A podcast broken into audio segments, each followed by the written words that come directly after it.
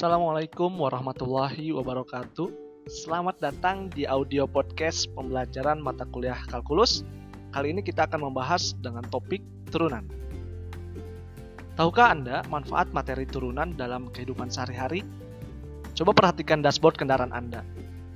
Dashboard kendaraan biasanya terdiri dari speedometer, yaitu alat penunjuk kecepatan, dan odometer, yaitu alat yang menunjukkan riwayat jarak tempuh kendaraan.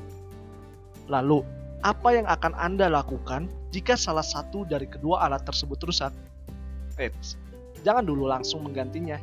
Anda dapat menggunakan hubungan antara kecepatan dan riwayat jarak tempuh melalui materi turunan yang akan dibahas secara struktur pada modul audio ini. Sekali lagi, jangan lupa siapkan pikiran dan fokus Anda untuk mempelajari materi turunan. Baik, sekarang kita akan masuk membahas tentang materi yang pertama yaitu aturan turunan. Ya, audio podcast ini akan fokus membahas mengenai aturan pencarian turunan. Kita dapat mencari turunan suatu fungsi menggunakan definisi turunan sebenarnya. Namun, proses mencari turunan dengan menggunakan definisi, definisi turunan e, terlalu memakan banyak waktu Nah, oleh karena itu, kita akan menggunakan aturan turunan untuk memperpendek proses dan mencari turunan suatu fungsi dengan lebih cepat. Nah, untuk aturan turunan sendiri, ada 8 aturan turunan yang akan kita sebutkan satu persatu. Yang pertama apa?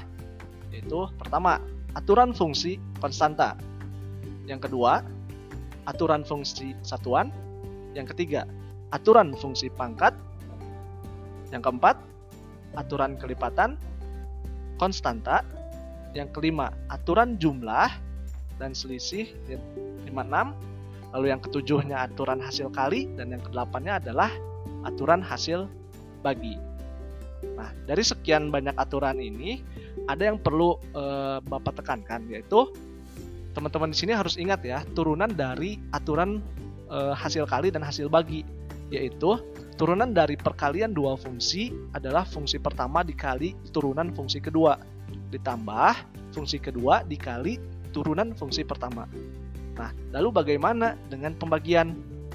Sama ya, kita tidak bisa langsung melakukan pembagian, melainkan perlu mengikuti aturan pembagian, yakni misal kita ambil satu fungsi P dibagi fungsi lainnya yaitu fungsi Q. Maka aturannya adalah Turunan hasil bagi dua fungsi adalah perkalian turunan fungsi pertama dikalikan fungsi kedua dikurangi perkalian fungsi pertama dengan turunan fungsi kedua. Semuanya dibagi dengan fungsi kedua kuadrat. Nah, untuk lebih lengkapnya, teman-teman bisa melihat ke modul yang sudah Bapak siapkan, ya, baik lewat spot ataupun e, media lainnya. Oke, cukup sekian kiranya kira-kira uh, bagaimana mudah bukan mencari turunan suatu fungsi? Nah, kalau teman-teman belum kebayang silakan lihat kembali modulnya. Uh, demikian yang dapat kita bahas pada pertemuan kali ini. Semoga dapat bermanfaat dan kita berjumpa kembali pada pembelajaran berikutnya. Terima kasih sudah mendengarkan audio podcast ini. Assalamualaikum warahmatullahi wabarakatuh.